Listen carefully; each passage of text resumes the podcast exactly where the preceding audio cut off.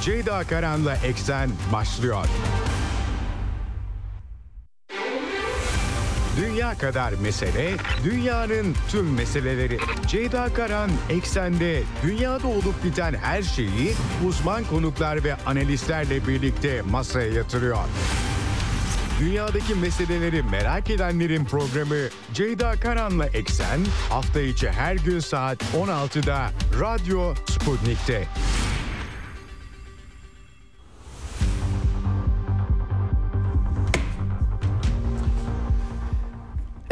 Eksenden merhabalar efendim. Bugün 26 Ekim 2023 günlerden perşembe bir haftanın sonuna doğru yaklaşıyoruz. Orta Doğu gündemi belirledi bu hafta. Geçtiğimiz hafta olduğu gibi bugün bu sefer 3. haftayı artık tamamlıyoruz. 20. günündeyiz Hamas'ın El Aksa tufanı operasyonu ile İsrail topraklarına dalması, e, onlarca insanı 200 civarı ifade ediliyor kaçırması, İsrail hükümetinin ağır misillemesi Gazze şeridine yönelik gerçekten insani bir dram yaşanıyor.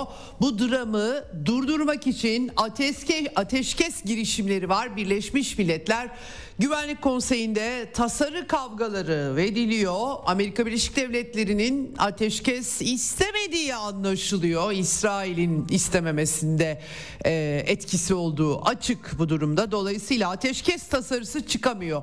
Birleşmiş Milletler Güvenlik Konseyi'nde tam bir e, pembe diziye dönmüş durumda e, vaziyet öyle söyleyeyim. Genel Sekreter Antonio Guterres'in dün bir parça aktardım size. Bu krizle ilgili bağlamları izah eden açıklamaları, konuşmaları İsrail'in çok sert tepkisine yol açtı. İstifa çağrıları, eleştiriler, ağır eleştiriler, BM ile işbirliğine son vermeler gerçekten tabii ki BM kürsüsü uzlaşmanın her zaman görülebildiği bir kürsü değil. Güç dengelerinin belki e, İkinci Dünya Savaşı'ndan bu yana tezahürü ama herkesin uyduğu bir takım kurallar var, çerçeveler var. Anlaşmazlık olsa bile diplomasinin devam ettirilmesi yani konuşmaların devam ettirilmesi var. Burada farklı bir durum ortaya çıkıyor gibi. BM Genel Sekreterinin etkisizliğini herkes farkında biliyor tabii ki ama e, gerçekten böylesi bir pembe dizi diyeceğim. Geri adım attı, atmadı, özür diledi, sözlerini geri aldı Antonio Guterres'in Filistin sorununa Hamas'ı kınayarak dikkat çektiği açıklamaları kabul edilmez bulundu. Birazdan aktaracağım size de bir tasarılar havada uçuşuyor. Cumhurbaşkanı Erdoğan'ın dün e, Türkiye'yi Hamas'ın siyasi hamisi kılacak şekilde yaptığı açıklamalar da Batı dünyasında da Arap dünyasında da yankılandı. İsrail'in çok sert tepkisi geldi. Bugün de Cumhurbaşkanı'nın biraz daha Batı ve Avrupa'yı eleştiren sözleri var. Onları da aktaracağım. Ee, e, e, ve bu arada tabii ki kara harekatı Gazze'ye. Endişeli bekleyiş içerisinde Netanyahu İsrail Başbakanı dini motifler de içeren ulusa sesleniş konuşması yaptı. Kara harekatına dair bir zamanlama verilmiş değil fakat Amerikan medyasından benim anladığım Amerikan güçlerinin bölgede daha sağlam konuşlanması bekleniyor. Böyle bir manzara var. Aktaracağım sizlere e, detayları önümüzdeki dakikalarda. Tabii Çin ve Rusya da diplomasiyi harekete geçirmeye çalışıyorlar. Hem BM çerçevesinde hem Orta Doğu'yla kurdukları temaslarla e, Çin'de Orta Doğu diplomasisinde söz sahibi olmaya başlayan ülkelerden birisi malum Suudi Arabistan ve İran arasındaki diplomatik normalleşmeyi e, Çin e, arabuluculuğuyla mümkün kılmıştı.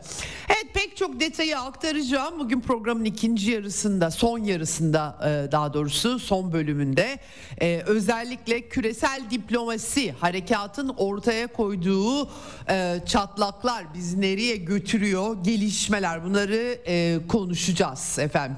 E, konuğumla beraber ama tabii ben e, öncelikle e, size gündemi e, aktaracağım epey kalabalık. Hemen başlayalım.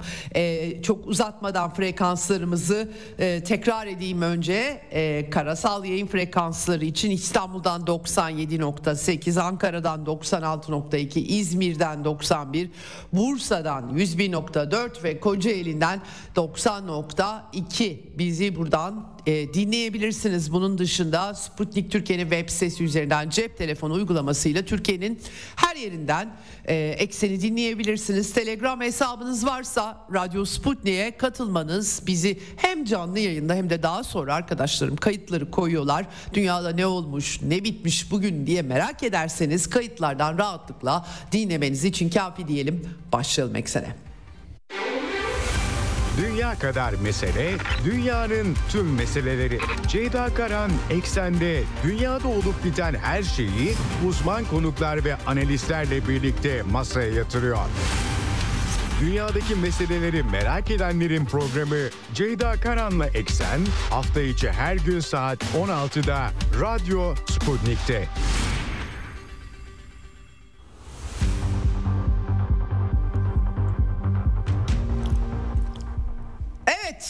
Tabii ki e, bölgeden e, can kayıplarıyla başlıyorum. Bütün dünyanın dikkati orada ve bitmiyor can kayıpları maalesef çatışmalar da durulmuyor. Ateşkes çağrıları karşılık bulmuyor. Filistin Sağlık Bakanlığı'nın en son açıkladığı sayı gerçekten dramatik. E, çünkü yani bir saat 24 saat içerisinde yani bir gün içerisinde İsrail bombardımanlarında 194 can kaybı açıklaması yaptı Sağlık Bakanlığı e, resmi rakam olarak bunu veriyorum. Ne kadar doğrulayamıyorum oturduğum yerden tabii ki. 17.500'e yakın yaralıdan bahsediliyor. Ölü sayısı 2700'ü çocuk, 1584'ü kadın. E, 6 bin, yani 7 bine yaklaştı hatta update ediliyor tabi rakamlar. O yüzden e, çok da hakim olamıyorum ama e, 20 gündeki e, manzara parlak değil. İsrail Dışişleri'nden de açıklamalar var. 308 asker 1400 İsrailli'nin hayatını yitirdiğini 5132'sinin de yaralandığını duyurdular. E, aralarında tabii e, çatışmalarda Rusya vatandaşları olduğu da belirtiliyor. İsrail'de çok sayıda Rusya vatandaşı yaşıyor. 4 kayıp 23 can kaybı Rusya vatandaşlığı bulunanlardan ayrıca yabancı ülke vatandaşları 250 can kaybı 81 kayıp olarak açıklanmış durumda. Tabii bu rakamlar ne kadar güvenilir bu açıklamalar? Bizim yapabileceğimiz bir şey yok. Sağlık Bakanlıklarının açıklamalarını veriyoruz burada. Joe Biden e, bu arada bu konuyla ilgili Avustralya Başbakanı Jonathan Albanese'yi ağırlarken e, konuştu ve e, sivil kayıplarla ilgili tabii sorular kendisine sorulduğunda Kaç kişinin öldüğü konusunda doğruyu söylediklerine dair hiçbir fikrim yok. Masumların öldürüldüğüne eminim dedi. Biraz hani inanmazlık içerisinde. E, Joe Biden'ın kendisi de o kadar çok yalan söylüyor ki e, kendisine e, inanmak da e, o kadar kolay değil doğrusunu söylemek gerekirse Beyaz Sarayı bile yalanlayabiliyor biliyorsunuz kendisini demans e, e, artık e, bu, bu yüzden çok e, tabii ki güvenilirliği de ayrıca tartışmalı dolayısıyla kendisinin birilerine güvenmemesi de ayrı bir soru işareti çıkartıyor. Tabii Joe Biden savaş açmanın bedeli bu diyerek de bir e, meşrulaştırma yapmış durumda. Propagandalara dikkat çekti kendisi ama sivillerin arasına saklanmasından bahsetti. Yine de savaş yasalarına uymak gerekiyor diye de e, ifadeleri e, var. E, bir de bölgeye yardım malzemeleri soktuğu için Filistinlilere teşekkür etmiş ama Hamas Hamas'a teşekkür ettiğini herhalde düşünerek e, e, düzeltme yapmış Mısır'a teşekkür ediyorum diye Amerikan Başkanı'nın son açıklamaları bu konuda bu şekilde oldu. Şimdi tabii Birleşmiş Milletler'den e, alarm e, durumu var. E, birazdan tartışmaları da aktaracağım genel sekreterle ilgili ama yakıt artık kalmadı. Dün gece itibariyle artık duruyoruz. Mültecilere Yardım Ajansı yetkilileri iletişim direktörü Juliet Tuma e, bu açıklamayı yaptı. Yakıt olmadan içme suyu yok, yakıt olmadan hastaneler yok, hiçbir şey yok dediler. Tabii ki elektrikler kesik jeneratörlerin çalışması için de yakıt gerekiyor ama İsrail tarafı gıdaya ilaca kısmen sınırlı da olsa izin verse bile yakıtın Hamas'a yarayacağını dile getiriyorlar. Birleşmiş Milletler sözcüsü e, Stefane Dujarric de bir açıklama yaptı. 12 gün uyarısı var açıklamada. Daha önce hiç görülmemiş bir e, insani noktaya ulaştığını dile getirdi bu e, krizin e, ve burada e, tabii ki e, yakıt ve gıdanın tükenmekte olmasından yola çıkarak e, Dünya Gıda Programı'nın elindeki malzemenin 12 gün yeteceğini söyledi. Evet böyle bir durum var. Bu arada e, iki esir bırakılmıştı. E, Judith Ranaan ve Natalie Ranaan Amerikan vatandaşı, İsrail vatandaşı aynı zamanda anladığım kadarıyla. Onlar e, İsrail tarafına ulaştılar ama e, başka görüşmeler de oluyor ve hatta Hamas'ın e, bir takım koşulları da kenara koyarak Zaten Filistin, Filistinliler de İsrail hapishanelerinde kadınlar çocuklar var. Onların bırakılması gibi koşulları vardı. Onları bir kenara koyduğu ve e, topluca atıyorum 30 kişi 20 kişiyi bırakmaya hazır olduğu ama İsrail'in buna engel olduğu iddia ediliyor. Wall Street Journal'da Mısırlı kaynaklar böyle söylemişler. Wall Street Journal'a konuşmuşlar. Tabi bu arada İsrail'de de e, insanlar mutsuz. Rehine olan e, ak, akrabaları, yakınları e, İsrailler için de çok sancılı bir bekleyiş olduğunu belirtelim. Hamas'ın 7 Ekim'de ele geçirdiği insanlar. Onlar da Savunma Bakanlığı, İsrail Savunma Bakanlığı önünde Netanyahu'yu istifaya çağıran ve bütün bu krizin Netanyahu yüzünden patlak verdiğini dile getiren protesto gösterileri düzenlemiş durumdalar. Bir şey değiştirmiyor maalesef bütün protestolar. Dün Tel Aviv'e de çok sayıda roket saldırısı Gazze'den oldu. Sığınaklara panikle koştukları belli yerlerde görüldü. İsrail e, Gazze'nin kuzeyindeki altyapıya bir takım baskınlar düzenliyor. Bu anlaşılmış durumda IDF İsrail savunma güçlerinin açıklamasında e, belirli yerlere tank baskınları, özel kuvvetlerin girdiği anlaşılıyor. Ben size aslında en başından söylemiştim bu böyle topyekün bir kara harekatı görüntüleri gelse bile bunun dışında böyle küçük küçük baskınlarla bu işi yürütebilirler diye en azından buna başladıkları yani diğer seçenek olur mu olmaz mı göreceğiz ama bu baskınlara başlamış durumdalar. Seymour Hersh bunlardan birinde ağır kayıplar verildiğini yazmıştı. Ünlü Pulitzer ödüllü gazeteci. E, rehinelerin yerlerini tespit etmeye çalışıyorlar muhtemelen ama belli noktalarda pusuya düşürüldükleri ve kayıplar verildiği hem İsrail özel güçleri hem Amerikalıların tarafında kayıplar olduğu iddia ediliyor fısıldanıyor. Doğrulaması zaten açıkçası çok güç ancak iddiayı aktarabiliyoruz. Tabii e, İsrail yönetimi birazdan aktaracağım Netanyahu'nun ulusal sesleniş konuşmasındaki söylediklerini ama Gazze'nin güneyine geçin diyorlar e, Filistinli Araplara. Ama e, BM'nin Filistin İnsani İşler Koordinatörü e, açıklama yapmış. Lynn Hastings'in açıklaması hiçbir yerin güvenli olmadığını söylüyor. Çünkü güneyde e, güneye doğru orta kesimlerde Han Yunus'u da vuruyor İsrail ordusu. Dolayısıyla yani e, zaten hareket edemiyor insanlar. E, zaten gidecek yerleri de yok. E, bir de yolları vuruluyor. E, dolayısıyla çatışmanın ortasında kaldılar. Tabii harekat başlarsa daha güçlü bir biçimde daha da vahim bir manzara çıkacak ortaya. Herkes bunun farkında ve Birleşmiş Milletler İnsan İşler Koordinatörü de Gazze'de hiçbir yer güvenli değil diye açıklama yapmış durumda. Şimdi hal böyleyken e, Asa, e, BM e, örgütü, Dünya Örgütü Güvenlik Konseyi'nde e, asabiyet hakim öyle söyleyelim. E, özellikle Amerika Birleşik Devletleri'nin başını çektiği Batı cephesinde. Çünkü ateşkes bu koşullarda tabii dünyanın ezici bir çoğunluğunun bu işin durdurulmasıyla ilgilendiği anlaşılıyor. Ateşin kesilmesini istiyor insanlar. Pek çok ülkede bunu dile getiriyor ama Batı ve İsrail bunu istemiyor açıkça ve dolayısıyla da bu konudaki tasarılar savuşturuluyor. Ee, bu da dünya örgütündeki bilek güreşine yol açıyor. Amerikalılar kendi tasarılarını sundular. Rusla, Rusya'da yeniden alternatif Rusya baştan beri küresel diplomasinin nabzını elinde tutmaya çalışıyor ve derhal ateşkes e, e, rehinelerin koşulsuz bırakılması Hamas tarafından insani yardım sokulması içeren e, tamamen insani temalı tasarılar sundu ama bunların hepsi reddedildi. Amerikan tasarısında da sadece rehinelerin bırakılması ve insani yardım vurguları yer aldı. Ateşkes yer almıyor. Amerika ateşkesi tasarıya koymuyor. Ama ateşkes yapılmazsa bu koşullarda zaten ee, ya bombardıman sürdükçe insani yardımı kim nasıl sokacak nereye sokacak BM hiç güvenli yer yok diyor. Aslında tutarlı değil bu tavır fakat tabii e, çifte standart ve ikilik durumu ortaya seriliyor bütün bu tartışmalarda. Ee, Rusya'nın tasarısı yeterli oy toplayamadı. 4 ülke lehte, 2 ülke aleyhte, 9 ülke çekimsel. Rusya'nın biraz daha e, ülkeleri toparladığı anlaşılıyor. E, bu oylamada ortaya çıkan yani çekimseller de kararsız kaldıkları için. Dört ülkenin lehte kullanması, dokuzda çekimsel olması Amerika'nın burada biraz izole olmasına e, işaret oluyor.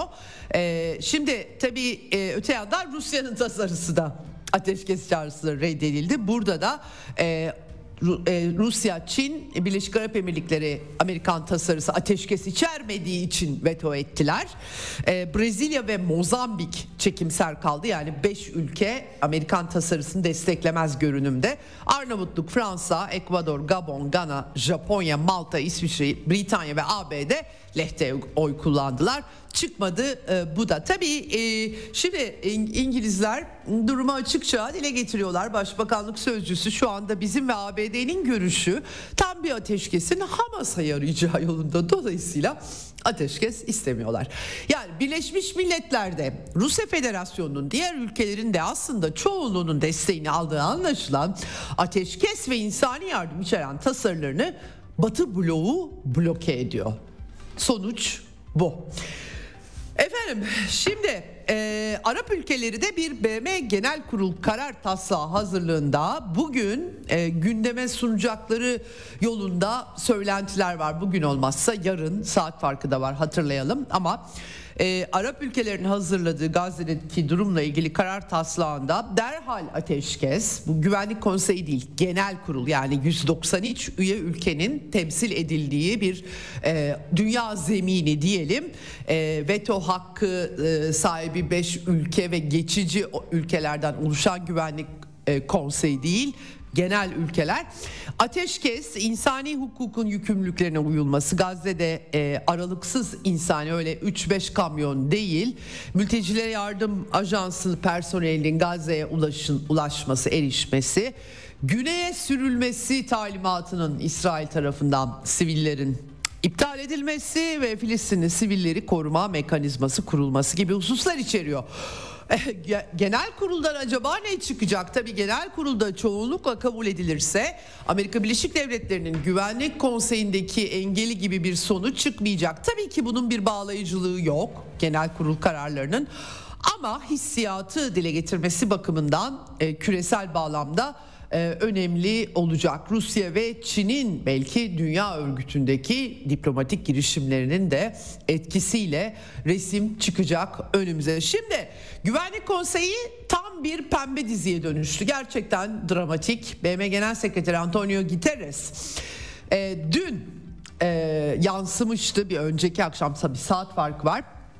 Özel oturumda, acil oturumda Hamas'ın 7 Ekim'de İsrail'de düzenlediği saldırıları kınadı kendisi ama bu saldırıların durduk yere ortaya çıkmadığının bilincinde olmalıyız dedi. Filistin halkı 56 yıldır boğucu bir işgale maruz tutuluyor dedi. Topraklarının adım adım yerleşim yerleri tarafından ele geçirilmesine ve şiddete şahit oluyor dedi. Ekonomileri yıkılmış yerinden edilmiş insanların e, siyasi çözüme olan inançlarının da yok olduğunu söyledi. E, Hamas'ın İsraillilere yönelik saldırılarının Filistin halkını toplu cezalandırmayı meşru kılamayacağını söyledi ve savaşların bile kuralları vardır diye hatırlattı. Aslında bu son derece konvansiyonel, öyle söyleyeyim, geleneksel. Herkesin hemen hemen işte iki devletli çözümden bahseden herkesin kendi içerisinde e, sıradan bulacağı yaklaşımı İsrail tarafından sert bir dille kınandı. İsrail Dışişleri Bakanı Eli Cohen Giteres liderliğinde BM'nin en karanlık zamanıyla karşı karşıya olduğunu söyledi. Terörizmi meşrulaştırmakla suçladı BM Genel Sekreterini. Özür dile, sözlerini geri al ya da istifa et. Resti çekti İsrailler. E, bunun üzerine Giteres pembe dizi diyorum ya gazetecilere e, sanki ben Hamas'ı kınamamışım gibi algılandı. Sanki meşrulaştırıyormuşum. Tam tersi bu dehşet verici ve eşi benzeri görülmemiş terör eylemini kesin bir dille kınadım konuşmamın başında dedi. E, sivillerin kasıtlı bir biçimde öldürülmesi, yaralanması ve kaçırılmasını hiçbir şey haklı gösteremez. Bunu söyledim dedi. Ama gerçekten de Filistin halkının sıkıntılarından bahsettim. Açıkça ifade ettim dedi. Hamas'ın korkunç saldırılarını haklı da göstermeyeceğini de söyledim dedi. Durumu düzeltmek gerekiyor. Özellikle kurbanların aileleri yani böyle biraz geri adım atarmış gibi yaptı ama sonra sözcüsü e, sözlerin arkasında duruyor dedi istifa çağrılarına falan yorum yapmadı. Çok kişi var yapacak dünyanın başka yerlerinde de çatışmalar var. Hani onlarla da ilgileniyor gibi. Hakikaten Antonio Guterres size e, devamlı paylaşıyorum aslında. E, bu kadar hiç canı sıkılmamıştı doğrusu söylemek gerekirse Guterres'in. Batı'nın görüşlerini daha çok yansıtan tutumuyla hiç başı belaya da girmedi. Pek bir çıkış da yapmadı. Dengelemeye de çalışmadı. Ömründe BM Genel Sekreterliğinde ilk defa belli konvansiyonel, geleneksel hususları hatırlattığı için başına gelmedik kalmadı gibi gözüküyor. Tabi şimdi e, İsrail'in BM Büyükelçisi Gilad Erdan e, tatmin değil Giteres'in e, yanlış anlaşıldım demesinden istifa etmeli, sözlerini geri almalı, özür dilemeli diyor. Gerçekleri çarpıtıyor diyor. Sebepsiz olmadı. Yani bunların nedensellik bağlarını söylemiş olması İsrail'in hoşuna gitmiyor. İsrail zannedersem e, insanların canı sıkıldı. E, o yüzden yani ben hak, haklı çıkartmak için söylemiyorum. Eylemin kendisine ilk günden itibaren silahsız sivillere yönelik herhangi bir e, eylem terörizmdir. Korku, terör, korku yaymak anlamına gelir. Eğer otobüs durağında yaşlı kadınlara silah sıkıyorsanız terörizme başvuruyorsunuz demektir diye ilk günden dile getirmiş bir gazeteci olarak söylüyorum. Elinde silah olmayan silahını indirmiş askeri bile esir almanız gerekir. Ona da e, infaz uygulayamazsınız. Kural bu insani ve uluslararası hukuk bu. E, ve ama onun ötesinde bir Filistin sorunu olduğu, insanların sürüldüğü, abluk aldığı altında yaşadığı gibi olgusal durumları anlatmak da nedensellik bağını kurmakta bir suç olmamak durumunda. Çünkü kimse ıslık çalarak canım sıkıldı ben şimdi gideyim bunu yapayım demiyor. İsrail'in misillemesi de öyle. O zaman aynı şekilde İsrail'de eleştirebiliriz. Ne oldu? Canı sıkıldı Gazze'ye saldırıyor diye bir söylem kurulabilir mi? Ki kuranlar var. İsrail hep saldırıyor zaten diyerekten. Dolayısıyla her şeyin bir bağlamı, neden sonuç e, bağlamı, ilişkisi e, var e, ve bunu dile getiren suçlu değil. Ama tabii İsrail e, Amerikan liberal ideolojisini İsrail yetkililer çok iyi özümsemişler. Unprovoked söylemleri de bunlara hizmet ediyordu Ukrayna dosyasında. Dolayısıyla e, arka planı olamaz. Hiçbir biçimde arka planı olamaz efendim. E, genel sekreter böyle böyle yapıyor dediler. Şimdi BM yetkililerine vize vermiyorlar. Efendim Isaac Herzog e, Avusturya Başbakanı Karl Nehammer'i ağırladı. İsrail'de destek için gitti e, e, insanlığa karşı korkunç suçlar işlediğini Hamas'ın söyledi. E, Gazze çevresini gelin görün dedi. Hamas'ın katliamları, tecavüzleri vesaire. Yani esirler bırakılırken öyle bir izlenim edinmedim ama ben izlediğim videolardan zaten Hamas'ın yeterince katliam e, için hareket ettiğine ikna oldum. Tuvaletleri niye tararsın? Sivillerin kaçtığı tuvaletleri pek çok görüntü var.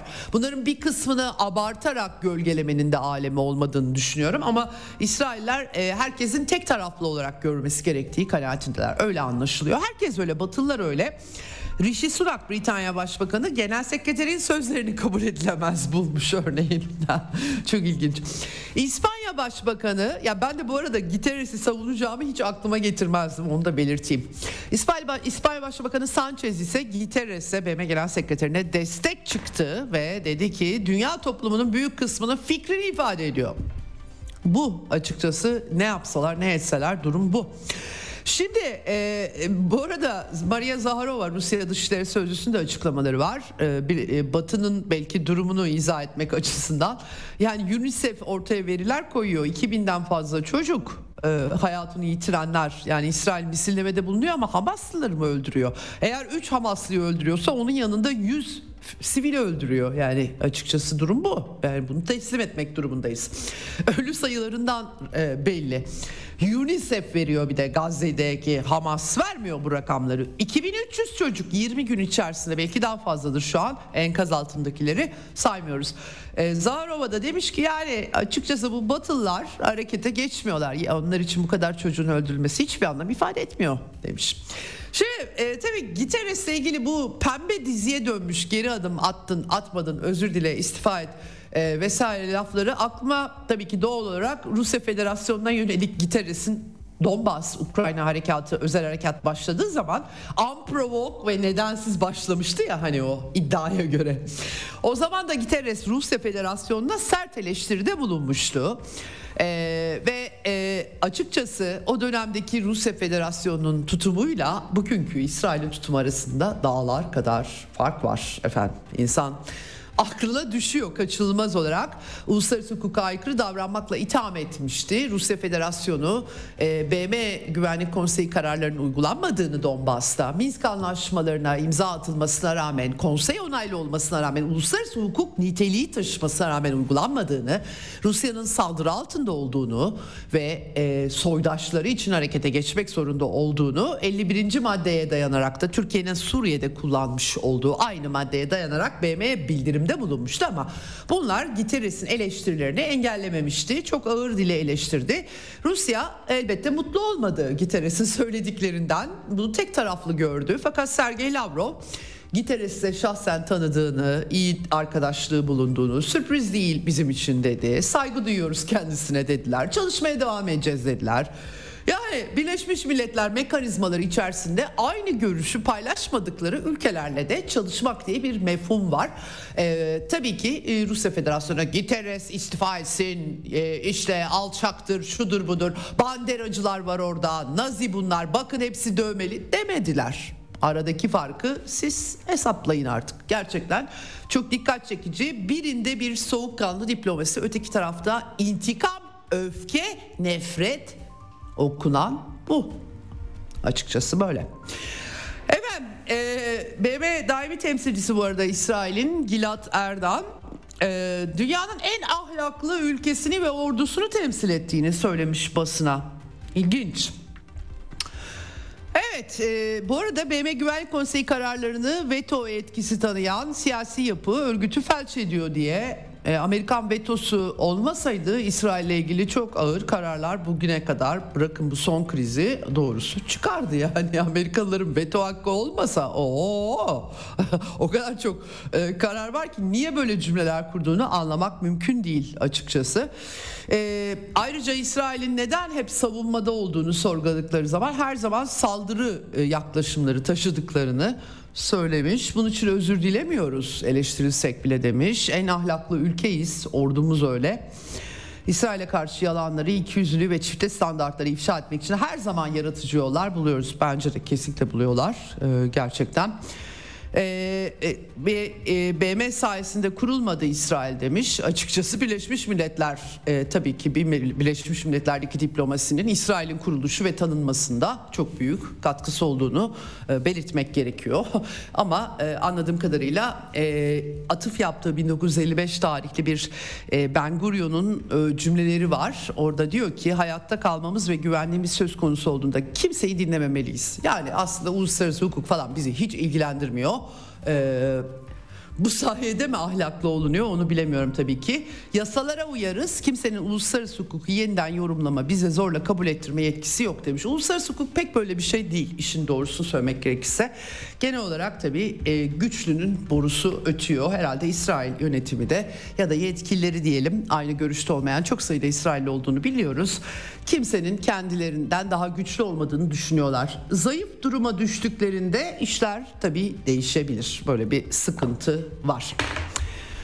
Evet Amerikalılar da problemli anladığım kadarıyla Biden'a müteşekkiriz diyor İsrail Büyükelçisi ama bazı anlaşmazlıkları ortadan kaldırmıyor diyor. Tabii Amerikalılar açısından sıkıntılı bir resim ortaya koyuyor. Öyle demokrasi, insan hakları falan hepsi çöktüğü için bu sayede kimi nasıl ikna edecekler? Zaten çökmüştü de iyice göze battı. E, e, dolayısıyla pek e, iş, işin içinden çıkmakta zorlanıyor Amerikalılar. E, Ahtapot'un başı da İran, e, İsrail bu şekilde görüyor. İs, e, İran'da İsrail'i devlet olarak yok etmekten bahsediyor zaten. Hani bu anlaşılır İsrailler açısından. İki devletli çözüm konusunda ise Amerikalılar da iki devletli çözüm diyorlar. Yan cebime koy tabii ama yani şu anda böyle ayrımlara değil birleştirici Amerika ile şeylere bakmak istiyoruz. Bunları tartışmak uygun değil. İşlerine gelmediği için tabii ki böyle diyecek elbette. Evet bir de Cumhurbaşkanı Erdoğan tabii Hamas, Filistin ihvanından bahsediyoruz. Terör örgütü değil, vatandaşlarını koruma mücadelesi veren bir mücahitler grubu dedi dün. Yaptı bu açıklamayı aktardım ben size. İsrail'le sorunumuz yok ama devlet yerine örgüt gibi hareket etme tarzını asla tasvip etmedik dedi. En kanlı e, saldırılardan birini İsrail gerçekleştiriyor. Sesleniyorum İsrail'e. E, tüm Batı bir araya geldi. Hamas'ı terör örgütü olarak görüyor Batı. Ey İsrail sen bir örgüt olabilirsin. Çünkü bu Batı'nın sana borcu çok ama Türkiye'nin yok dedi Cumhurbaşkanı. E, Netanyahu denilen adamın elini bir kez sıktım. Nerede? Kendi evimize Türkiye ve New York'ta. Ama e, İsrail'e gidecekti eğer bu kriz çıkmasaydı Cumhurbaşkanı. Suistimal etti dedi. E, bu kafayla bir yere gidemezsin. İster Amerika'yı al ister Batı'yı dedi e, dünyada adaletle hükmedilmesini istemediği için Amerika'da kaybedecek dedi. Cumhurbaşkanı çok sert cümleler kurdu. Cumhurbaşkanı aynı zamanda İsrail Osmanlı hatırlatması çok dikkat çekici doğrusu. Bugün sırtını dayayarak efelendiği güçler yarın gittiğinde İsrail halkının güven, merhamet arayacağı ilk yer 500 yıl önceki gibi Türkiye olacaktır dedi. Yani unutmayın biz demeye getirdi. Cumhurbaşkanının açıklamaları sonrası tabii ilk ne oldu? Borsa çöktü. e, muhtemelen e, Maliye Bakanı yani trajik bu arada gülüyorum da gül, gülmemden e, yanlış anlamayın. Trajikomik bir durumla karşı karşıyayız. Çünkü muhtemelen Maliye Bakanı Mehmet Şimşek kalp krizinin eşiğinden dönmüş olabilir bu cümleden sonra. Çünkü batıdan yatırım arayışı var. Türkiye'deki ekonomik durum vahim olmanın ötesinde. Her gün her şeye zam %65 enflasyon deniyor ama sizce %65 enflasyon var mı? Hepimiz perişan olduk ki en son köprülere zam ertelenmek zorunda kalmış. İnsanlar yola çıkamayacaklar. Böyle vahim bir durum. E, Nas dendi ama faiz oranları yüzde 30'ların üstünde 35'leri 5 puan birden yanlış ekonomi politikaların bedelini ödeyen bir Türkiye varken tabi siyaseten istediğini söylemek o kadar kolay olamıyor. İşin gerçeği bu. Kabul etmek lazım. Şimdi tabii Erdoğan'ın e, bu arada burada başka bir ikilik daha var. Suriye devletini yıkmak için birlikte çalışılmıştı oysa ki. Birdenbire işler değişti. İsrail Dışişleri Sözcüsü Lior Hayat, Hayat yapmış açıklamayı Cumhurbaşkanı ile ilgili olarak. Hamas bebekleri, çocukları, kadınları ve yaşlıları acımasızca ve kasıtlı olarak öldüren, sivilleri rehin alan ve kendi halkını canlı kalkan olarak kullanan IŞİD'den daha aşağılık bir terör örgütüdür demiş. Ee, Türkiye Cumhurbaşkanı'nın terör örgütünü savunma girişimi ve kışkırtıcı sözleri bile dünyanın gördüğü dehşeti ve kesin gerçeği değiştirmeyecektir. Hamas eşittir IŞİD. Valla e, İsrailli e, eski istihbaratçılardan siyasetçilere kadar biz IŞİD'i çok seviyoruz diyenleri gördükten sonra gerçekten şimdi hangi birini eleştirsem bilemiyorum.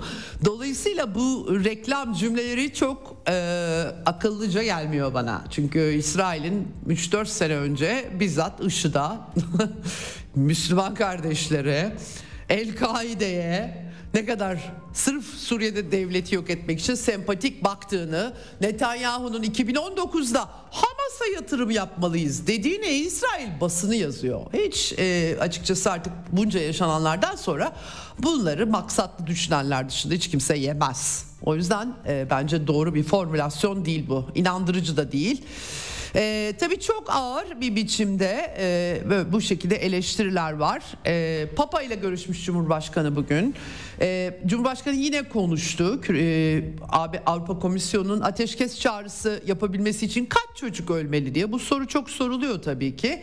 Bugün dile getirmiş camiler, kiliseler, hastaneler bombalanıyor. Vahşeti izliyor medeni, medeni geçinenler.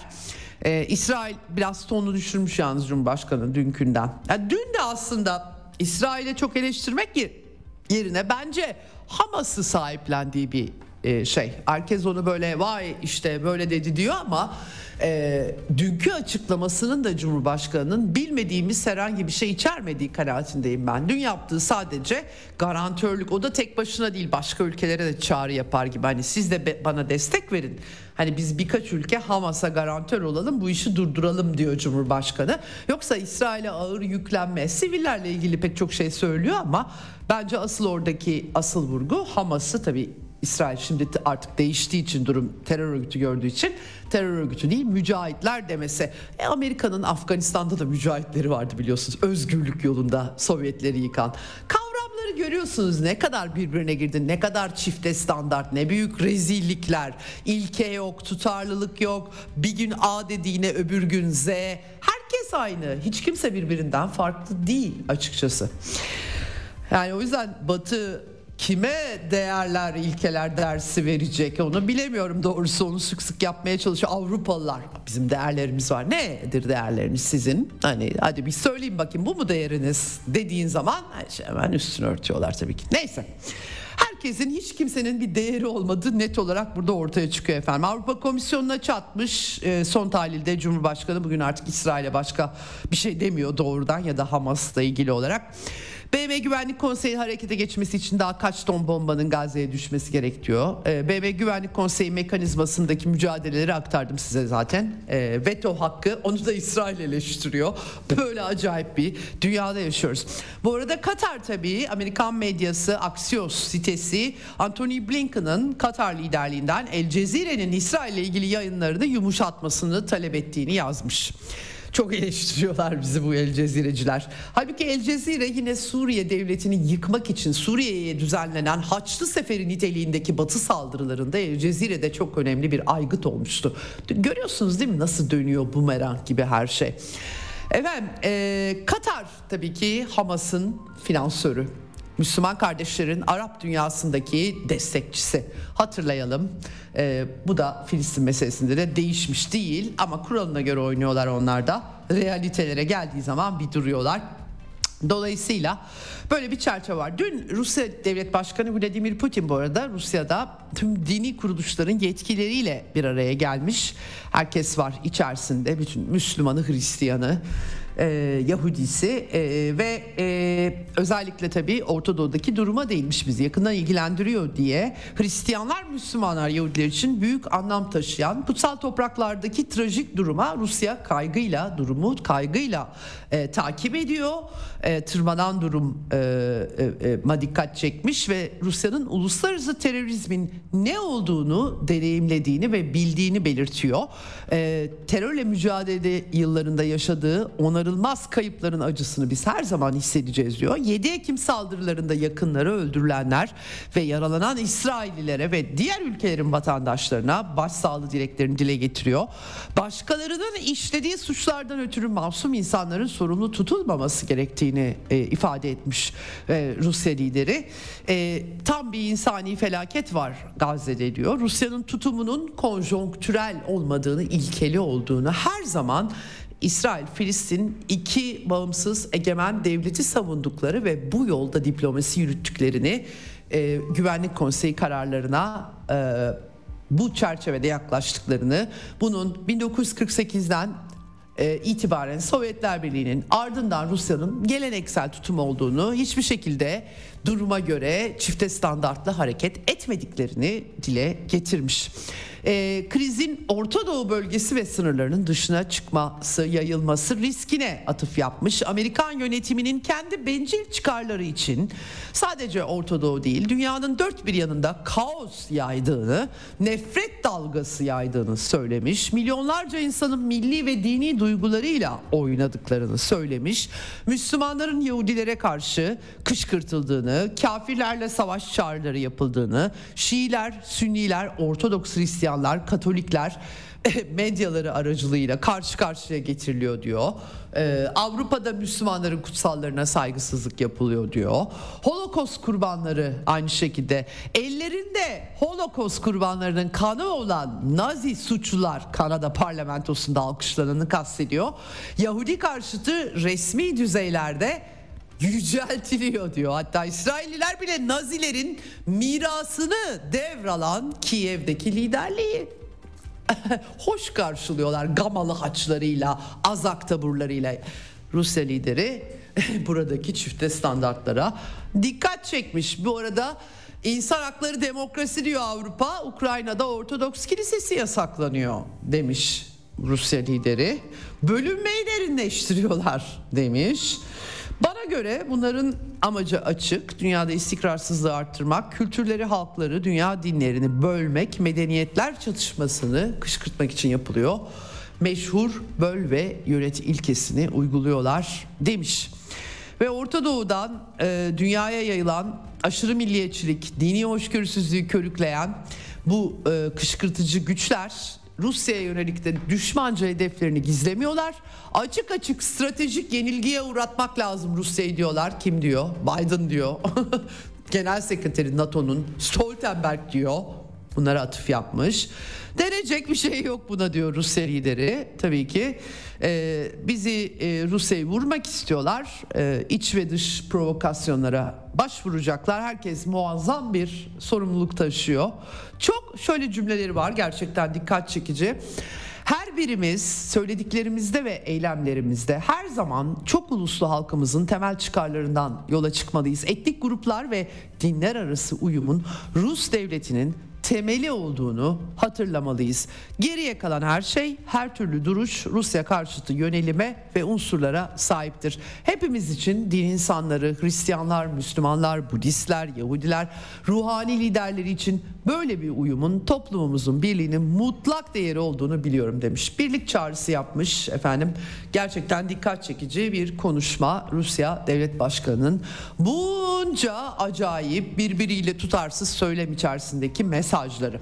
Evet Dönüyorum şimdi. Emmanuel Macron Orta Doğu turuna çıkmıştı. İsrail, Filistin, Ürdün, Mısır'a gitti en son Kahire'de Sisi ile görüştü. Ee, burada tabii Hamas'a misillemeye, ağır misillemeye destek vermişti İsrail'de. Ee, Kahire'ye geçince bir tık farklı konuşmuş. O da farklı konuşanlardan. bir dediği bir dediğini tutmuyor. Efendim e, Sisi tabii e, durumu kontrol altına almak lazım bu iş büyüyebilir uyarıları yapmış. İnsani kriz, sivilleri sürmemek, rehineleri bıraktırmak lazım filan. Macron e, eğer kara harekatı e, yani e, şöyle formüle ediyor. Tabii e, çifte standartla falan da ülkesi suçlandığı için yani biz asla biz çifte standart yapar mıyız hiç biz canım? Fransızlar hayatta yapmazlar yaparlar mı? E, uluslararası hukuk herkes için geçerli ayol demiş. Yani ben böyle yorumluyorum. Başka türlü gerçekten yorumlayamıyorum. E, artık hani bir dedikleri bir dediklerini tutsa keşke tutsa hiç böyle şeylere gerek kalmayacak. Bütün hani kurbanlar şefkatimizi adil, sürdürülebilir, barış öğrelik kalıcı taahhüdümüze hak ediyorlar. Tabii tabii tabii. Yakıt vermek şart hastanelere. Bak İsrail buna engel oluyor. Yakıt vermeyiz Hamas'ın eline geçer diyor. Ondan sonra e, yardım gönderiyorlar. E, iki devletli çözüme ulaşmayı amaçladığını dile getirmiş kendisi. Bir de e, sivillerin hayatı pahasına kara operasyonu sorulmuş Macron'a. Ee, yani kapsamına bağlı aslında demiş. Sivillerin hayatının tehlikeye sokan geniş çaplı bir işgal ise bunun bir hata olacağını düşünüyorum demiş. İsrail'de başka, Mısır'da başka gördüğünüz gibi. Evet aktarmış olduk böylece.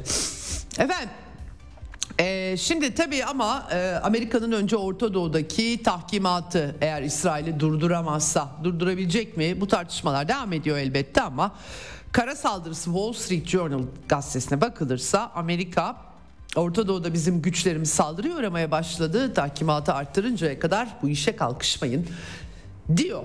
Öyle yazıyorlar. Netanyahu'nun ulusa sesleniş konuşması vardı. Kara harekatına hazırlanıyoruz ama detayları vermeyeceğim şeklinde. E, binlerce teröristi öldürdük dedi. Biz ışığın insanlarıyız onlar karanlığın insanları dedi Netanyahu. Rehinelerin dönmesi için elden geleni yapıyoruz dedi.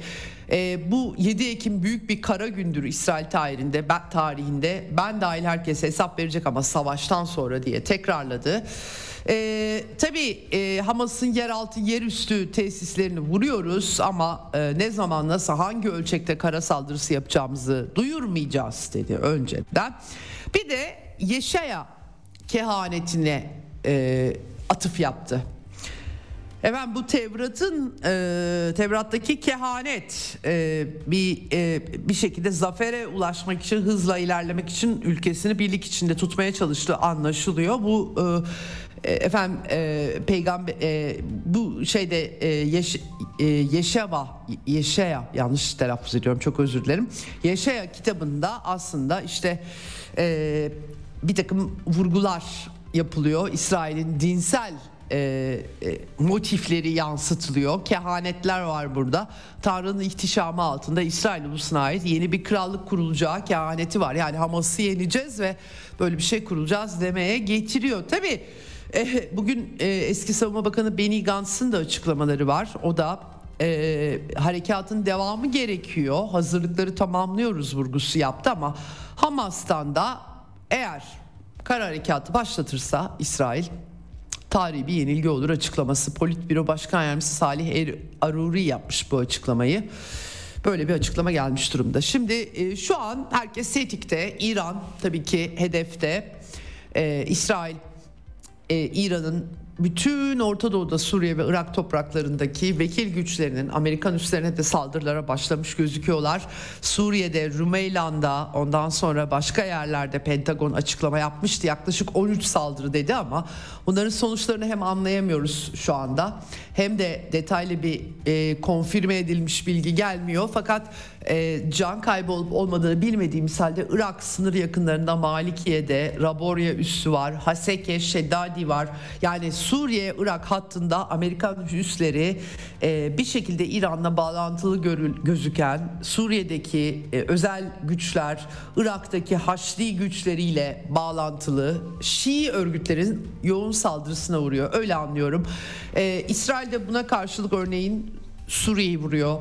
Şam ve Halep havalimanlarını vuruyorlar. Dera'da 8 askeri Suriye askerinin ölümüne 7'sinin yaralanmasına yol açtılar. Herkes kılıçları biliyor yani. Ensarullah hareketi Yemen'de geçenlerde bir füze fırlatmıştı. Amerikalılar önlediklerini söylemişlerdi. Binlerce insanı seferber edeceğiz ve Amerikalılar da bu işten azade kalamaz diyorlar. Böyle acayip bir durum. Ee, bu arada Mısır Cumhurbaşkanı Abdülfettah El-Sisi de e, bir ordu denetimi yapmış 3. ordu ve tüm general Şerif El Arişi kendisine verilecek bütün görevleri icra etmeye hazırız demiş. Neyi kastettiğini çok anlayamadım. Herhalde rutin dikkatle ilgili, rutin durumla ilgili konuşmuş olsa gerek diyorum. Evet şimdi tabii Amerika'daki neokonlar, şahinler Biden yönetimine İran'ı da içerecek bir e, çatışmaya çekmeye çalışıyorlar. Tartışmalardan anlaşılıyor. Caydırıcılık gücü yok olacak İsrail'in. O zaman daha çok saldırıya uğrayacak. Bir askeri diş göstermek gerekiyor. Yani benim kanaatim İsrail'in bu meseleyi böyle yanıtsız bırakıp da ateşkesle ikna olmayacağı yolunda ama umarım tümden yanılıyorumdur. Amerika Biden yönetiminin üzerinde çok büyük baskı var. Biden'ın aklı fikri Kiev'de ve bir türlü başarılı olamıyor. Zelenski yönetimi ile karma karışık tablo ortaya çıkmışken şimdi buna bir de Orta Doğu eklenmiş durumda. E, dolayısıyla Amerikan yönetiminde çok büyük sıkıntılar var. E, bu arada ilginç buldum doğrusu Suudi Dışişleri Bakanı Faysal Bin Ferhan e, eğer Gazze'deki çatışma sona ererse hemen İsrail'le normalleşmeye başlayabiliriz demiş. İlginç bir mesaj olarak algıladım doğrusu. İsrail'e Gazze'ye kara harekatına girişmemesi karşılığında normalleşme görüşmeleri yapabilecekleri mesajı gibi duruyor. Daha detaya ihtiyaç var. Bakmak lazım buna ama e, ama harekata kalkışırsa işler değişebilir tabii ki. E, uyarılar e, var bu konuda. Rusya'dan da Dimitri Peskov en son açıklama yaptı. Durum felaket zaten. Bir de kara harekatı olursa daha büyük tahayyül etmesi zor bir durum ortaya çıkacak dedi. Bir de F-16'ları en son birlik yığıyor Amerikalılar bölgeye. En son F-16 uçak filosu da gönderiyorlar. Hani orada bir Tartus'ta da e, Rusya'nın üssü var. Dolayısıyla bir karşı karşıya gelme olursa problem çıkacak. E, dolayısıyla herkes tetikte. Doğal olarak böyle bir e, çerçeve var. Efendim Ukrayna asab asabiyeti de yüksek. Hemen hemen e, Donbas'taki cephelerin hemen hepsinde Rusya Federasyonu karşı atağa geçmiş durumda. Ama bu atak yanlış anlaşılmasın alan kazanmak için yapılmıyor. Artık 4 Haziran'da başlayan Ukrayna taarruzu çoktan sona erdi. Özellikle Donetsk bölgesinde Avdiivka'da orası çok iyi tahkim edilmiş. 2014'teki darbeden beri iyi tahkim edilmiş. Donbas'ın sivillerinin vurulduğu bir yer e, ve e, orayı kuşatmış durumda. E, sıra dışı bir biçimde Rusya güçlerinin Avdiivka'da atakta olduğu söyleniyor. Ele geçirmeleri anlamında söylemiyorum. Ve e, diğer cephelerdeki askerleri bırakıp buraya koştukları çünkü Ukrayna Genelkurmay Başkanı Zaluzhny'nin kesinlikle Avdiivka'nın terk edilmesine izin verilmemesi gerektiğini söylediği adeta burayı kaleye çevirmek durumundalar. Kaybederlerse belki Dnieper'e kadar bütün arazi açılacak. Gerçekten büyük bir mağlubiyet bekleyebilir. Dolayısıyla da diğer cepheler artık her son dahil olmak üzere fazla hareketli gibi gözükmüyor. Var tabii ki çatışmalar hiç yok değil ama bütün silah mühimmatı Avdiivka'ya yığmışlar. Bahmut benzeri bir durum mu oluşacak? Daha çabuk mu e, ele geçecek? Onu bilemiyoruz fakat gerçekten dikkat çekici. Şimdi bir yandan da e, Telegram kanallarında fısıltılar dolaşıyor. Rusya'yı suçlamak için son derece askeri hedeflerden hakikaten hele Orta Doğu ile kıyaslarsanız hep söylüyorum 600 günde ölen sivil sayısı Orta Doğu'da 18-20 günde hayatını yitirdi. O kadar büyük bir fark var bu operasyonun icrası. Hiçbir dosyalar benzemiyor ama e, icra ediliş bakımından askeri bir hareketi çok çarpıcı farklar. Şimdi tabii ki Ukrayna ordusunun yalanları artık ayyuka çıktı. Söylediklerinin %90'ını geri alıyorlar. İki ay sonra birdenbire biz yapmadık dedikleri şeyi ya biz yapmıştık falan da diyebiliyorlar. Çok örneğini gördük. Şimdi Kupyansk bölgesinde Rusya'nın atakta olduğu e, evleri bombalayıp video çekmişler efendim. Telegram kanallarına yansıyor. Rusya yaptı diyecekler. Psikolojik operasyonlar merkezi tarafından. Hatta ve hatta Kiev'deki Alman Büyükelçiliğini hedef seçmek ve sonra Rusya yaptı diye. Rusya Federasyonu 600 gündür Kiev'i vurmadı bile doğru düzgün. Hiçbir yani ne merkezini çünkü kendileri için yani Türkiye'nin Kuzey Kıbrıs Türk Cumhuriyeti'nde bombardıman yapması gibi bir şey olur aslında. Oradaki banderacılar bir tarafa isteseler de ellerinde böyle silah sistemleri de var. Asla böyle bir şey olmadı. Şimdi dolayısıyla dünya kamuoyunun algıları için bir takım psikolojik operasyonlar planlanıyor olabilir. Bu iddialardan anladığımız o. Ee, bir batıda nükleer santral Helmensnitski santrali. Orada İHA'ların patladığı bilgileri var ama kimse bir şey anlamamış ve Uluslararası Atom Enerjisi Ajansı da e, bir sıkıntı yaşanmadığını bir takım patlamalar sonrası e, elektrik şebekesi bağlantısının etkilenmediğini binalarda bir takım e, pencerelerde zararlar olduğunu söylemiş. Kim yaptı onu bilemiyoruz tabii ki atom enerjisine de ajansına da BM'ye bağlı bakmak gerekiyor. Rusya Federasyonu bu arada Amerika'nın gizlice Biden yönetiminin Ukrayna'ya sağladığı Atakams uzun menzilli sistemleri 330 kilometreye kadar gerçi biraz korkudan anladığım kadarıyla yarıya indirip menzillerini vermişler 165 kilometre ve bir havaalanının vurulduğu haberleri de gelmişti hemen gizlice verildikten sonra öyle ortaya çıkmıştı. Rusya Savunma Bakanlığı ilk Atakams füzesini düşürdüklerini ayrıca onların fırlatıldığı e, sistemleri de vurduklarını duyurmuş. Dolayısıyla Ukrayna'ya ne verilse işe yaramadığı anlatısı için bir başka malzeme çıkmış gözüküyor. Evet. Ee, nükleer e, kuvvetler tatbikatı ha, hava, kara, deniz unsurlarının katıldığı e, e, Plesetsk uzay üssünden Yars kıtalar arası balistik füzeleri Kamçatka Yarımadası'ndaki Kura poligonunda hedefleri vuracak şekilde düzenlendi. Ayrıca Barents Denizi'nde de nükleer denizaltıdan balistik füze Sineva füzesi testi yaptı Rusya Federasyonu. Bir de Tu-95MS stratejik bombardıman uçaklarının havadan karaya seyir füzeleri fırlatması var. Ee, gerçekten e, caydırıcı gücü sergileyen tatbikatlar diyebiliriz. Batı'ya tabii e, bugün Minsk'te Avrasya güvenliği ile ilgili bir konferans var. Sergey Lavrov nükleer silah uyarısı yapmış burada Amerika'nın bütün kritik silahsızlanma anlaşmalarından tek taraflı çekildiğini ve aslında bu koşulların e, daha da vahimleşmesine sebep olduğunu Rusya'nın telafi edici önlemler almak zorunda kaldığını dile getirmiş ve e, NATO'dan gelen tehditlerdeki artış bizi e, bu önlemlere başvurmaya zorluyor diye formüle etmiş durumda. Evet şimdi fazla vaktim kalmadı. Ee, Avrupa Birliği'nin sıkışıklıkları var. Ukrayna'ya Mühimmat sözü 1 milyon mermi diyorlardı ama üretemiyorlar. Böyle bir sorun var. %30'unu sağlayabilmişler sadece. Bloomberg'un haberi bu. Amerika'da Temsilciler Meclisi Başkanı nihayet seçildi. Dördüncü oylamada Mike Johnson biraz muhafazakar bir Trumpçı olduğunu anlıyorum. 220 oy ile yeni başkan olmuş ve ilk konuşmasında Ukrayna'nın adını bile anmamış Mike Johnson. Şimdi 106 milyar dolar para istiyor çoğu Ukrayna'ya e, yarıdan fazlası.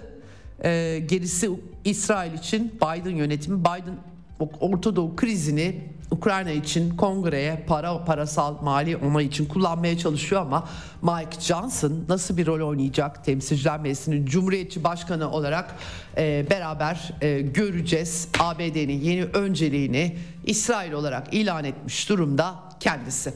Evet kısa bir tanıtım hemen konuğum burada olacak.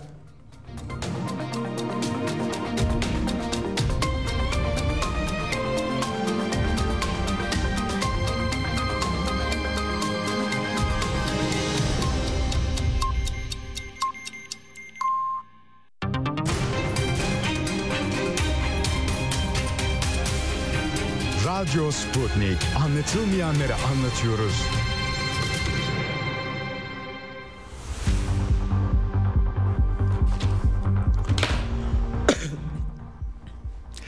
Evet, e, Eksen'in son bölümündeyiz. Telefon hattımızın diğer ucunda Doktor Barış Adıbelli var. Hocam hoş geldiniz yayınımıza. Hoş bulduk efendim. İyi yayınlar diliyorum. Çok teşekkür ederim hocam. Ee, Ukrayna, işte Asya, orada Çin etrafında esen fırtına konuşuyoruz sizinle ama her şey döndü dolaştı Orta Doğu'dan patladı. Böyle acayip bir resimle karşı karşıyayız ve bütün küresel güvenlik her şey zorlanıyor. Ee, gerçekten 3. haftasında dünya çok büyük bir krizin içinden geçiyor. Böyle bir görünüm var. Ee, hocam şimdi e, tabii genel kanaatinizi hemen rica edeceğim sizden ama e, ilk öncelikle de e, sizden bu krizde gerçekten Birleşmiş Milletler mekanizmalarında artık sanki Asya, Rusya ve Çin'in başını çektiği küresel güney diye anılmaya başlanan e, çok kutupluluğun sesinin yükseldiği bir görünüm arz ediyor gibi. E, elbette ki e, hiçbir şey kolay değil, zorlu bir süreçten geçtiğimizde açık. Fakat ben mesela Çin'den hiç duymadığım tepkiler duyuyorum Filistin meselesi bağlamında. Tabii ki ilkesel tutumlarını biliyorum geçmişten bugüne ama öte yandan sanki bu ilkeselliği de aşan bir e, tavır koyuş, koyuş var gibi. Ne dersiniz? Katılır mısınız? Öncelikle bu olup bitenlerle ilgili genel değerlendirmeniz sonra da e, e, gerçekten bu kriz Çin diplomasisinin duruşuna dair görüşlerinizi almak isterim. Yani şimdi Birleşmiş Milletler mekanizmasının artık çalışmadığını hep dile getiriyoruz. Hmm. Yani bunu Türkiye'de hmm. dile getirdi. Evet. Efendim Rusya'da, Çin'de. Bunlar özellikle Çin mesela Birleşmiş Milletler mekanizmasına oldukça önem veren ülkelerin başında geliyor. Ve e, e, evet. biliyorsunuz Xi Jinping'in e, en önemli e, güvenlik söylemlerinden biri olan güvenlik girişimi mesela küresel güvenlik girişimi tamamen Birleşmiş Milletler mekanizmasını temel alarak aslında hareket ediyor. Yani evet. e, bu bağlamda Türkiye ile çok paralel söylemi var. Ana şey ne Birleşmiş Milletler mekanizmasını geliştirelim. Fakat bu son olay artık Birleşmiş Milletler'in hiçbir şey yapamayacağını yani şurada düşünün yani dün de Guterres'e istifa et çağrıları yapılıyor. Yani bir hakikat evet. getirdiği için artık bu duruma gelmiş. Şimdi tabii Çin'in bu noktada e, hem Birleşmiş Milletler'in e, adeta aciz kalması hem uluslararası toplumun e, meseleye tek taraflı bakması hem e, Amerika Birleşik Devletleri'nin açık çek verdiği bir ülkenin hani Amerika Birleşik Devletleri'nin hep her fırsatta kurallara dayalı uluslararası sistem diye e, bağırması, çığlık atması ve çoğu zaman da son yıllarda Çin kurallara dayalı sisteme meydan okuyor demesi. Evet. Şimdi yani evet. e, bir kurallar var. Kurallarla yönetilen efendim onun üzerine inşa edilen bir sistem. Ama şimdi soruyor tabii insanlar biz de soruyoruz. Bu kurallar nerede? Çin de soruyor. Hani beni sürekli sıkıştırdığın ihlal etmek Evet. bu kurallar nerede? Sen şu anda ne yapıyorsun? Mesela İsrail örneğinde efendim Gazze örneğinde bunu soruyor. Onun için e, bu noktada Çin'in tepkisi evet e, her şeyi aslan siz dediniz ya dünyanın dört bir yanında işte Asya'da şunlar oldu bunlar oldu aslında her şey en başında Orta Doğu'dan başladı. Tekrar Orta Doğu'ya dönüyor gibi. Yani şimdi Çin'in bu meselede sadece Gazze meselesi üzerinden bence bu Amerika Birleşik Devletleri'nin hala tek kutuplu dünya düzeni varmışçasına dayatmacı politikaları işte gördük bunu. Bir hem İsrail açık çek veriyor hem onun ötesinde Orta Doğu'da Doğu Akdeniz'de yeniden askeri yığınağa başladı. Hatta ve hatta Körfez Savaşı'nda bile İran işgalinde bile görmediğimiz bir askeri yığınak var. Onu söyleyeyim. İlk defa TAS sistemi geldi. Hava savunma sistemi, sistemi Orta Doğu'ya. Dolayısıyla bütün bunlar sadece efendim Gazze'de İsrail'in Gazze operasyonu veya e, İsrail'in zayıflığını ya da efendim güvenliğiyle ilgili problemler ortadan kaldırmaya yönelik değil.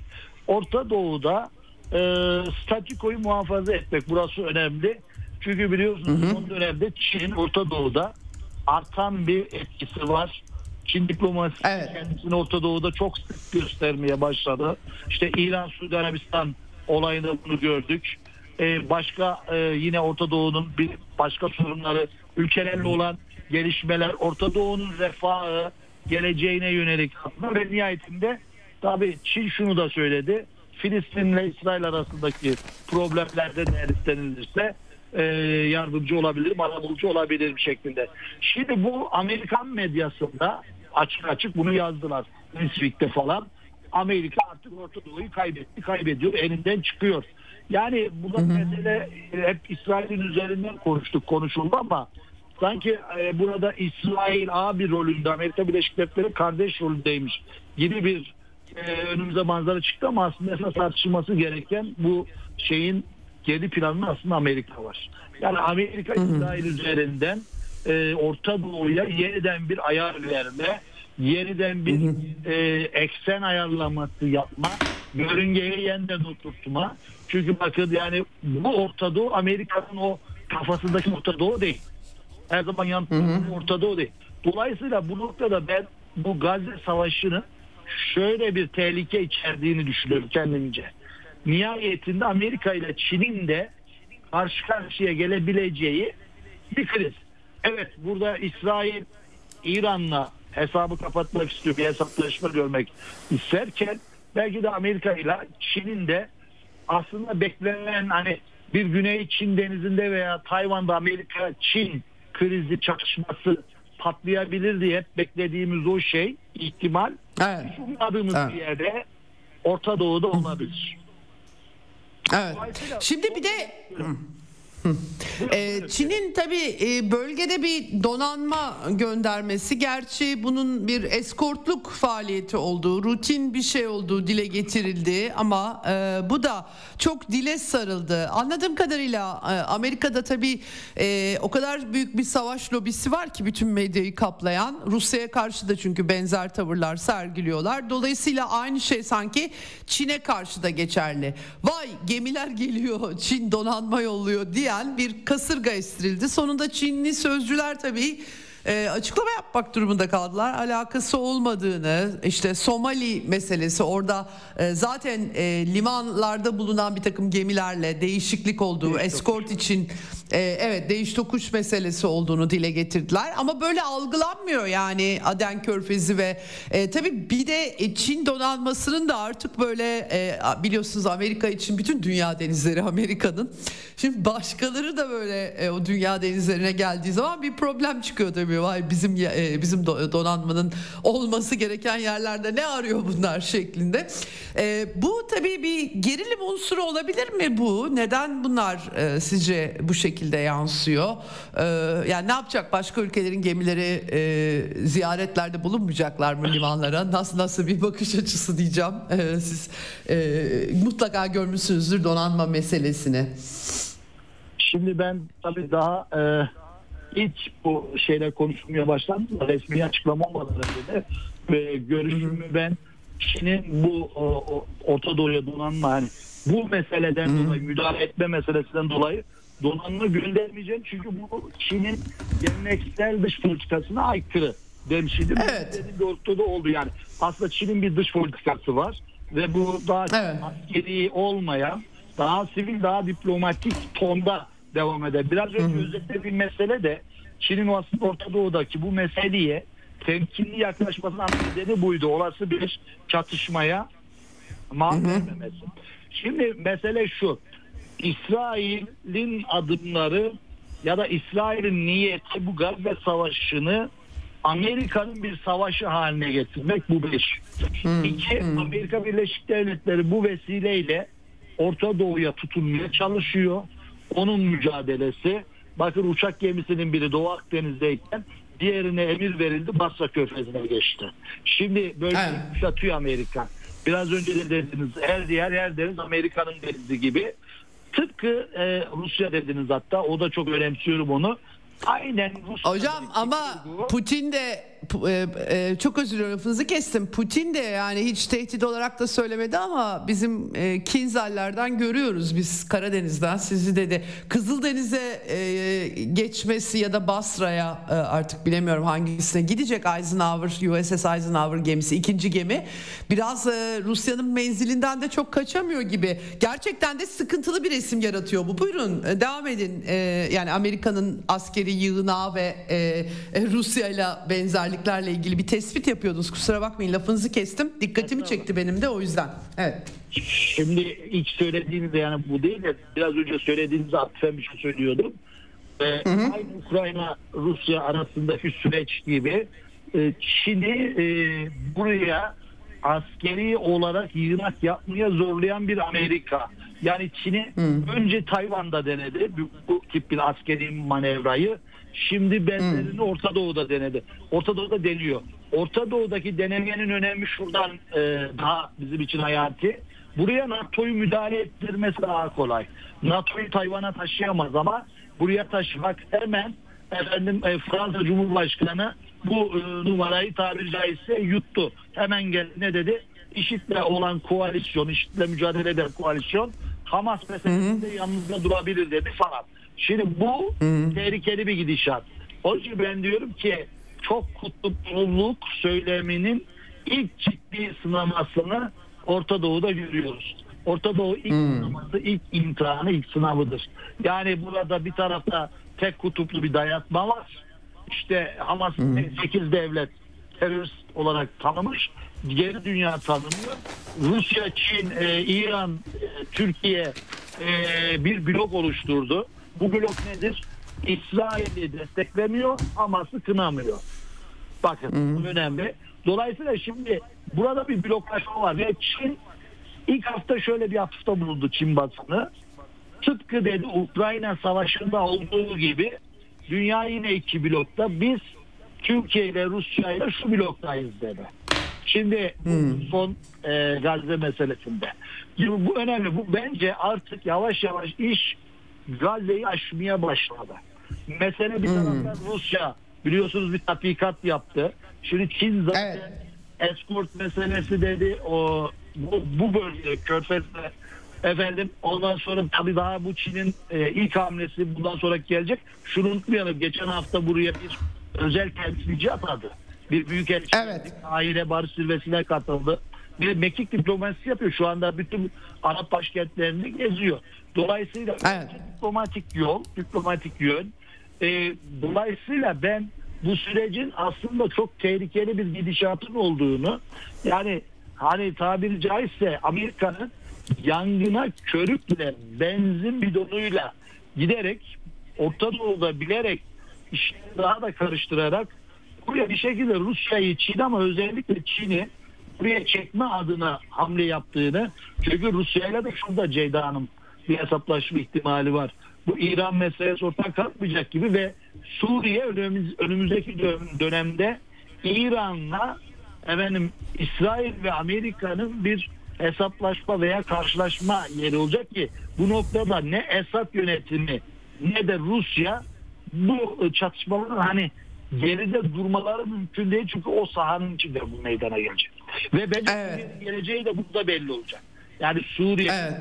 geleceği de bu noktada belli olacak. Buna İsrail çok ısrar ediyor bu konuda.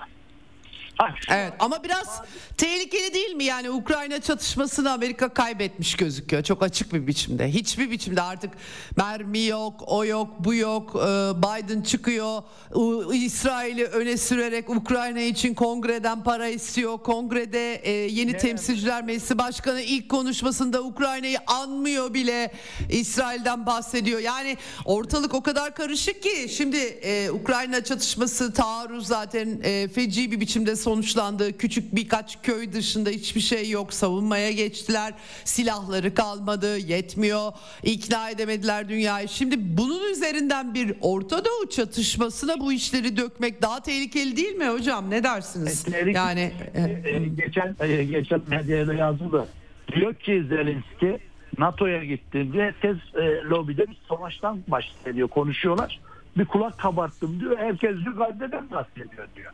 Canım sıkıldı. Kimse artık Ukrayna'yı Evet. NATO'da konuşmuyor. Evet, Şimdi burada evet. Biraz belki esprinin şeyi de var içinde ama mizah da var. Fakat Zelenski'nin tespit doğru. Artık gündem değişti. Yani Ukrayna'da insanlar yoruldu, sıkıldı. Bakın Gerhard Schröder Evet. şansölye ne dedi? Eğer dedi Batı müdahale etmeseydi İstanbul'daki görüşmelerde Zelenski Tabii. anlaşma imzalayacaktı. Barış tabii tabii Putin tabii hocam. Afrikalı liderlerle toplantısında. E Şimdi o Tabii, zaman tabii, demek ki Ukrayna Savaşı'ndaki Batı'nın rolü şimdi bakın her şey parayla. Para olmadı mı silah da olmaz. Şimdi o silahlardaki kimi füzeler bugün Hamas'ın elinde olduğu söyleniyor. Ya, evet. füzeler. bakın Javelin'ler Evet. falan Hamas'ın elinde deniyor. Şimdi bu doğru Tabii. değil midir? Onu bilemiyoruz. Ama yani eğer bu iddialar doğru ise demek ki o zaman Ukrayna ile ilgili biliyorsunuz o efendim e, yolsuzluk suçlamaları e, kayıt dışı efendim yasa dışı silah kaçakçılığı şu bu her şey gerçek gerçek.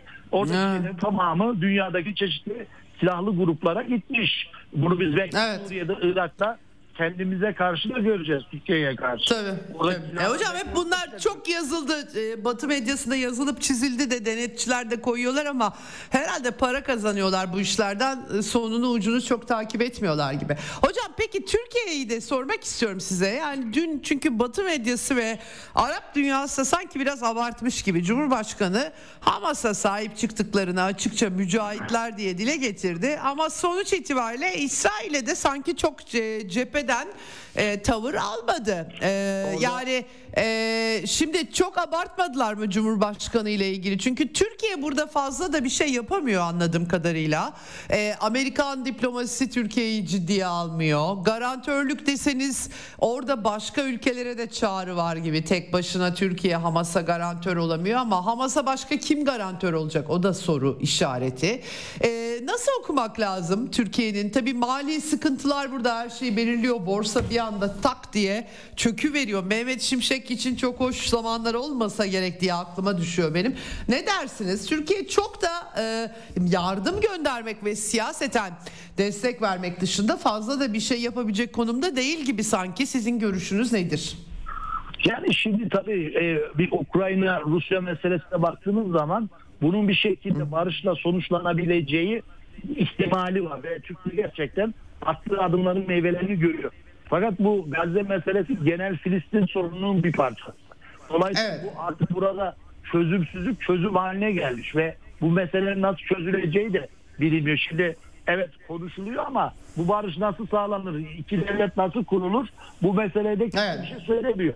Onun için burada Türkiye'nin arabuluculuk meselesi biraz daha geri planda kaldı gibi gözüktü. Ee, biraz Evet. uluslararası medya, Arap medyası Türkiye çok sönük kaldı, sessiz kaldı. Ee, eleştirileri var. Yalnız burada şu noktayı unutmayalım. Ee, Cumhurbaşkanı Erdoğan'ın çıkışı çok ince bir ayağı var.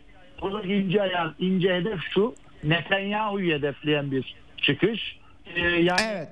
aslında tabiri caizse Netanyahu'yla zaten aramızda bir kan davası vardı. Aramızda kan Evet. Mar- Marmara'dan dolayı. Dolayısıyla Evet. Sayın Cumhurbaşkanı da e, aslında ilişkileri düzeltirken Yair Lapid'le falan onlarla düzeltmişti. Yani e, eski e, önceki yeni İsrail hükümetiyle fakat adamlar seçimi kaybetti. Tekrar Netanyahu geldi. E, mecbur sürece devam ettik. Dedi işte hayatımda ilk defa elini Türk evinde hissettim falan diye konuştu. Dolayısıyla ben burada meselenin zaten Türkiye'de de meselemiz devlet veya İsrail halkı değil. Biraz Netanyahu'yla. Dolayısıyla Netanyahu'nun gideceğini de biliyor Türkiye. Onu da söyleyelim. %60 da şu anda anketler Netanyahu aleyhine ve ilk defa bugün dedi ki Evet. beni de sorgulayacaksınız dedi. İlk defa söyledi. Evet. Dolayısıyla Netanyahu'nun gideceğini biliyor Türkiye. E, yani bu işte Netanyahu bir seçim zaferiyle yeni bir iktidar zaferiyle çıkmaz. Onun için Türkiye'nin bütün üzerindeki bu meseleye yönelik öfkesini Netanyahu'ya kustu diye düşünüyorum ben.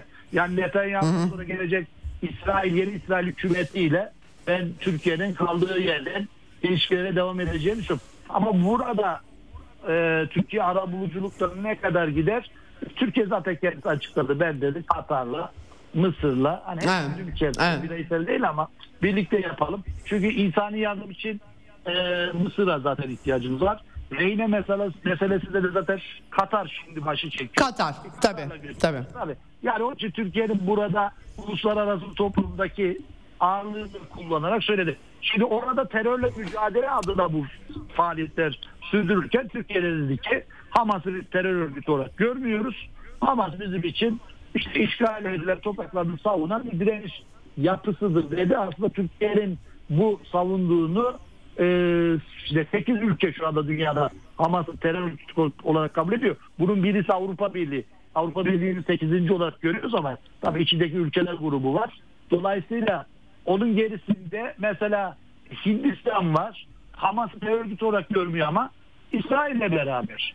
Bir de Azerbaycan benzer şekilde İsrail'in politikalarını destekliyor. Onun için şimdi bu noktada Türkiye'nin açıklaması da biraz bu buna da tepki yani uluslararası terörizmle mücadele kılıfının içine bunu gizleyip yani İsrail'in kendi koruma hakkı vardır.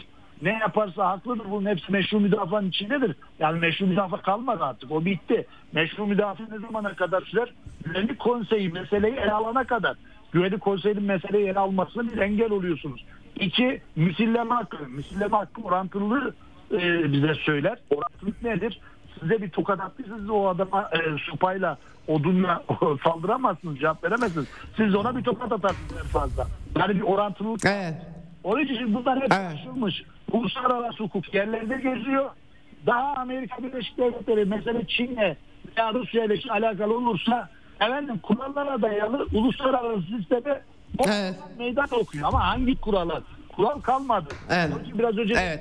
kutupluluğun en önemli sınamasını bugün Orta Doğu'da görüyoruz. Bu sınavı geçtiği gün çok kutupluluk sistemi fiili olarak artık dünya sahnesinde yerini alacak.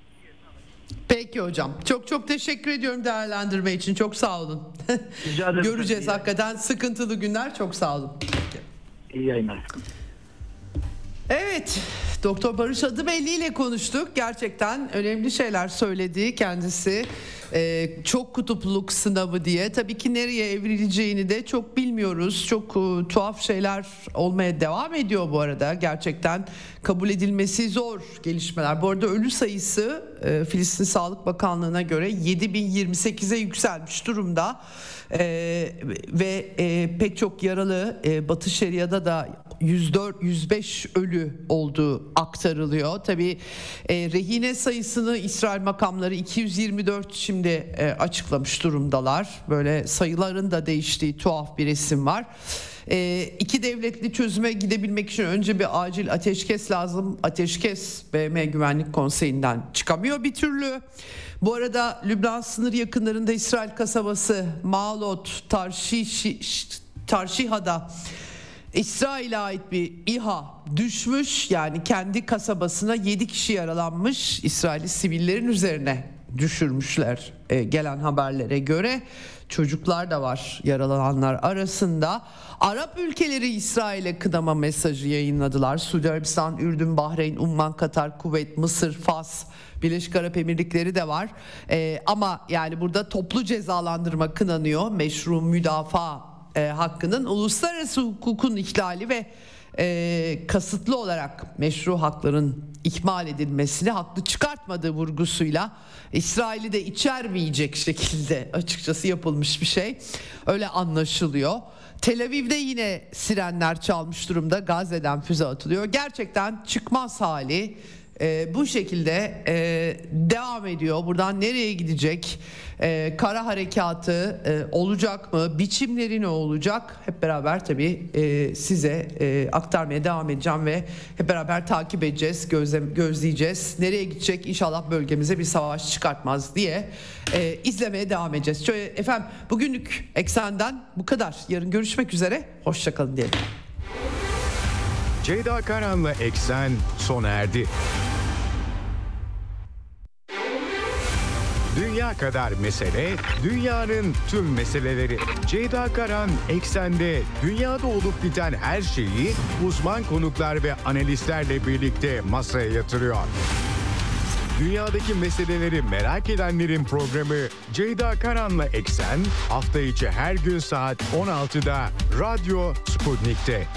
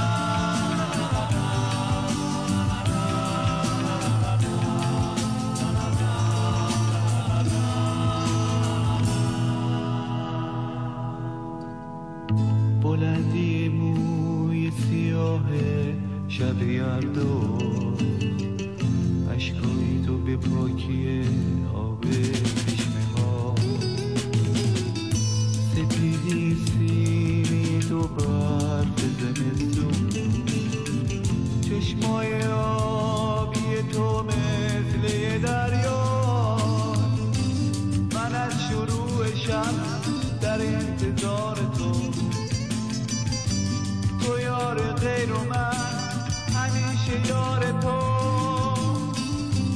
بیرون داره میاد شب از خونه ها. تو خورشید منی تو هم بیرون بیاد